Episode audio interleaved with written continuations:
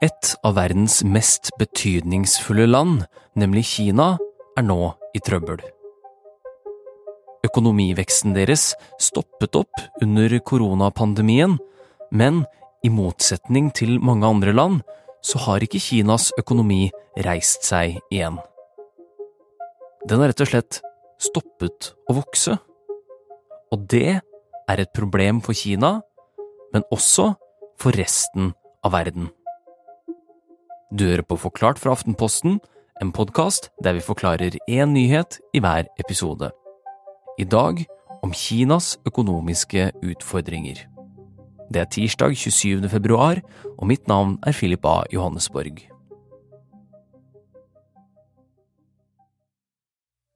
På kjøpesenteret i, i, Beijing så er det ofte ganske fullt av folk, men uh, på det senteret jeg besøkte, var det overraskende få andre der. Ok, du har kanskje ikke vært på så mange kinesiske kjøpesentre i det siste? Journalist og tidligere Asia-korrespondent Kristoffer Rønneberg, han var der nylig. Altså, det var rett og slett skikkelig glissent, selv om, selv om det var midt i lunsjtiden og det burde, burde være mye folk. Og, og, selv ikke ved matbodene i toppetasjen var det spesielt travelt. Altså, de, de, fleste av disse matbodene de hadde rett og slett eh, stengt. Det var bare noen få som holdt åpent. Og blant eh, de som var åpne, så var det en, en nudelsjappe som jeg stoppet innom.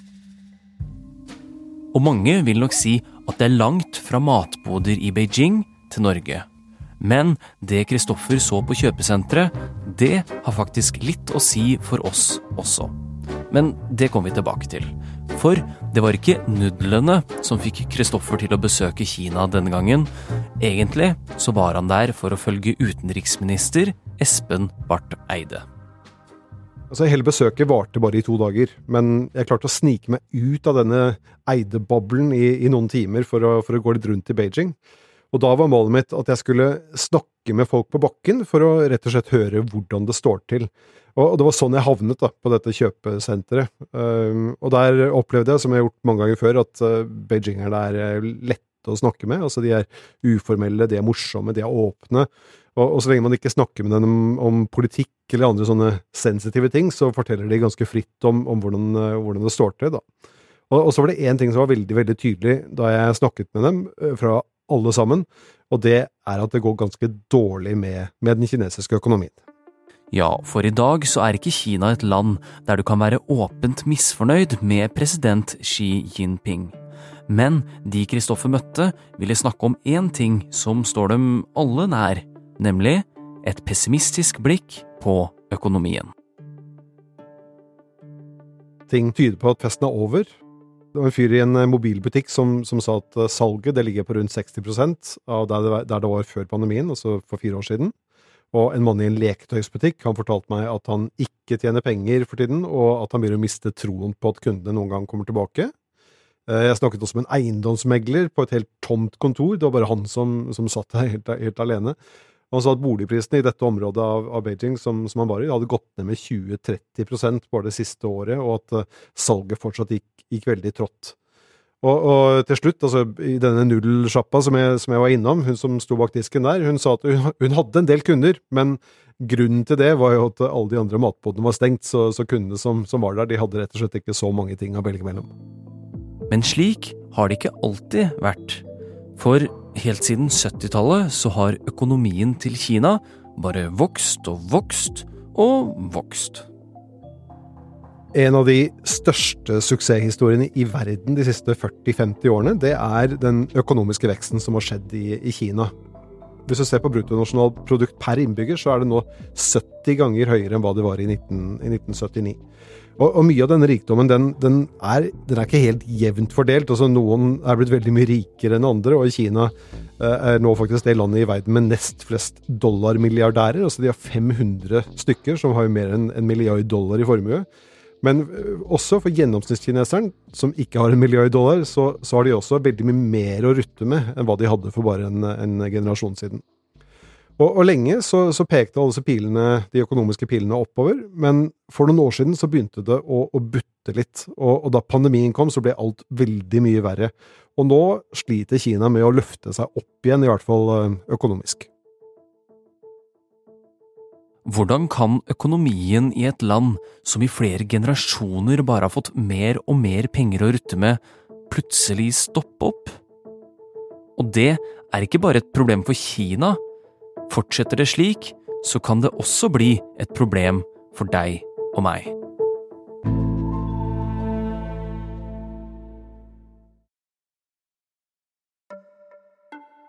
Kina er rammet av en pengeknipe som kan bli ganske alvorlig for, eh, for landet, både folket og, og myndighetene. Det, det, er fall noe jeg hører fra ganske mange økonomer nå, som, som, kan mye mer om dette enn hva jeg kan. Eh, en av dem som jeg har snakket med, han heter George Magnus. Han er eh, økonom tilknyttet Oxford-universitetet, og, og, regnes som en av de store ekspertene på, på Kinas økonomi. Og det han sier, det er at det er skikkelig krise nå, og at det er flere dårlige ting som skjer samtidig i den, i den kinesiske økonomien. Blant annet så viser han til rapporter som viser at en tredjedel av kinesiske småbedrifter ikke har klart å komme seg igjen etter pandemien. Ok, Men for alle oss som ikke leser Kinas svar på Dagens Næringsliv, hva er det som har skjedd med økonomien deres da etter pandemien? Ja, Det er i hvert fall to ting som er viktig å, huske på. Sikkert mange flere, men jeg skal trekke fram to. Det ene er at uh, problemene begynte før pandemien, og at uh, covid egentlig bare forsterket en trend som allerede gikk i gal retning. Og det andre det er at Xi Jinping, altså Kinas uh, store leder, han, han, ventet et år lenger enn han strengt tatt trengte med å gjenåpne landet igjen etter pandemien. Og det gjorde at det ble enda vanskeligere å komme seg på beina igjen etterpå. Og, og, en av de tingene som vi ser nå, det er at arbeidsledigheten, for eksempel, den er veldig høy, spesielt blant unge. En annen ting som er viktig å få med seg, det er at byggeboomen, som var en veldig viktig grunn til, til det kinesiske økonomiske miraklet, det ser ut til å ha tatt slutt. Og eiendomsmarkedet, det sliter veldig nå.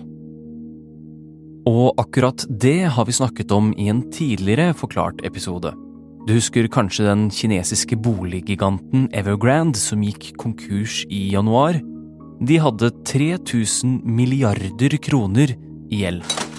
Og skal vi se her, det er ni nuller i én milliard, pluss da 3000, det blir tre pluss tolv nuller. Ganske mye penger, altså. Og den konkursen har ført til at mange i Kina nå har betalt for boliger som de ikke får, blant annet. Ja, det blir jo en ganske lang liste etter hvert av ting som Xi Jinping må, må, begynne å bekymre seg for. Altså I tillegg til alle disse problemene med økonomien på, på hjemmebane, så har også utenlandske investorer blitt mindre interessert i å bruke penger i Kina. Og disse investeringene har vært en viktig del av, av den økonomiske veksten, eh, de også. Og, og, i fjor så forsvant rett og slett mesteparten av disse pengeinnsprøytningene fra, fra utlandet. Eh, så er det jo sånn at alt henger sammen med alt, også i, i, økonomien. Og når eiendomsbransjen sliter og boligblokkene ikke blir bygget, så, så, betyr det at alle selskapene som leverer til denne industrien, altså selskaper som selger alt fra betong til kobber og, og lyspærer, eh, de får mindre i inntekt. Og det påvirker jo også selskaper i, i utlandet som eksporterer disse tingene til, til Kina. Men, men, men, det som kanskje viser Kinas problemer på den aller tydeligste måten, det er den enorme gjelden som, som landet nå har bygget opp. Ok, hvorfor er det et så gjeldende punkt her? Altså, Gjeld er jo noe som mange land har. Eh, for eksempel har Japan og USA lenge hatt eh, kjempehøy gjeld, uten at det har ført til noen eh, fullstendig krise. Men, men, i Kina så har ikke dette med gjeld vært så veldig viktig tidligere, fordi veksten har vært så høy at både folk og selskaper og staten har klart å betale tilbake mesteparten av det de skylder. Men nå er forskjellen at de ikke lenger klarer å gjøre det, og så betale tilbake. Og han eh, George Magnus, han eh, økonomen jeg, har snakket med, han, han, mener at den økonomiske veksten er hovedgrunnen til at gjelden er blitt så stor. Og han sier at kineserne har bygget for mye og for fort, og nå som det ikke lenger blir bygget like mye, så sliter de eh, fordi de sitter igjen med all denne gjelden. Og å betale den gjelden, det blir jo da også vanskeligere og vanskeligere fordi eh, økonomien går tregere, og det ikke er så lett å finne nye inntektskilder. Og fordi Kina er et såpass viktig land her i verden, så kan mangelen på vekst påvirke både min og din lommebok. For alle sammen vil jo ha penger og billige varer. Kort fortalt så har vi alle sammen eh, i verden eh, fått det bedre pga. Kinas økonomiske vekst. Altså det, det, har vært en motor for veksten i hele verdensøkonomien, og det har jo også da vært bra for oss her i, her i Norge. Og når det går saktere i Kina, så kan det også få konsekvenser uh, for veksten i resten av verden, uh, fordi de globale markedene er ganske tett uh, knyttet sammen. Mindre nå enn før, men likevel ganske tett knyttet sammen. Altså, noe helt konkret som kan skje, det er at forbruksvarene våre, alt fra liksom, briller til telefoner til elektriske biler, kan bli dyrere, enten fordi det vil koste mer å produsere det i Kina, eller fordi produsenten må finne andre land enn Kina å, å lage dem i. Og så kan det bli vanskeligere å selge varer til Kina. Eh, det er, det er, ikke en kjempekrise for Norge, fordi vi har flere markeder som er viktigere enn Kina, som kan overta det som kanskje ikke lenger blir solgt til kineserne. Men, men det er mange andre land som i større grad vil merke at de får uh, trangere kår, fordi økonomien går, går tregere i Kina. Nettopp. Og det er dette Kinas leder Xi Jinping nå må bale med. I verste fall kan den økonomiske nedgangen føre til mye bråk. Altså, dette er ikke bare et økonomisk problem for Xi Jinping, det er også et politisk problem. De siste 50 årene så har liksom kommunistpartiet hatt en deal med det kinesiske folket. Eh, de, altså partiet, skal levere økonomisk vekst, og så lar folk dem få lov å styre som en ettpartistat med streng sensur og manglende menneskerettigheter og, og alt det der. Men, men, nå som veksten ikke lenger er der i samme grad som før, så, så kan jo folk også begynne å bli frustrert.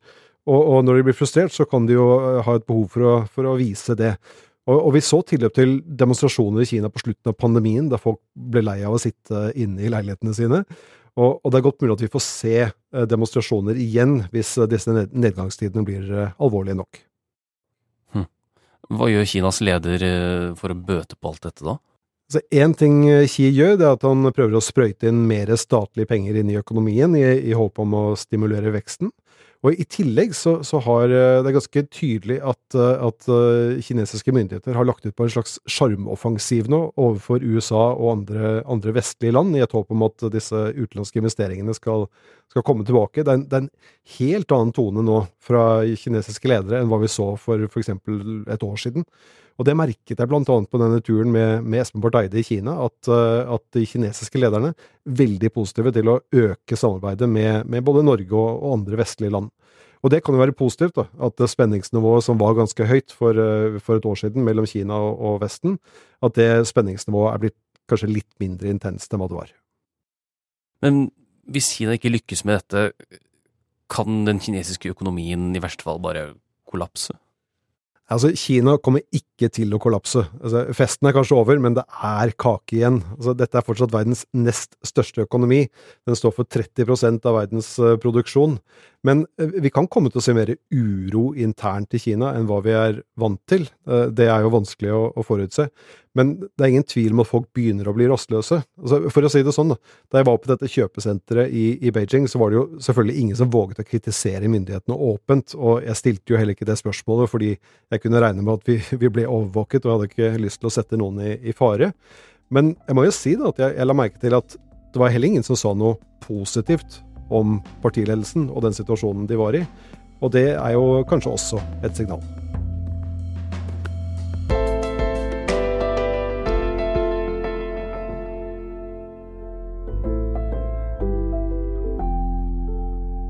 Du har hørt en podkast fra Aftenposten.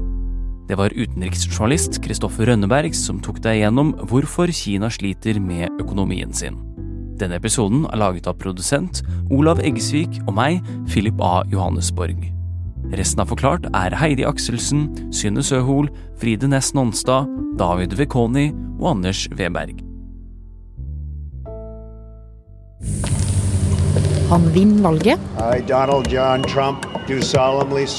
Så tar han landet ut av Nato. No, I would not protect you. In fact, I would encourage them to do whatever the hell they want. You gotta pay. Og alt annet. They have been screwing us for years. Og det er USA som en gang var verdens eneste supermakt. Det er USA vi kjenner i dag.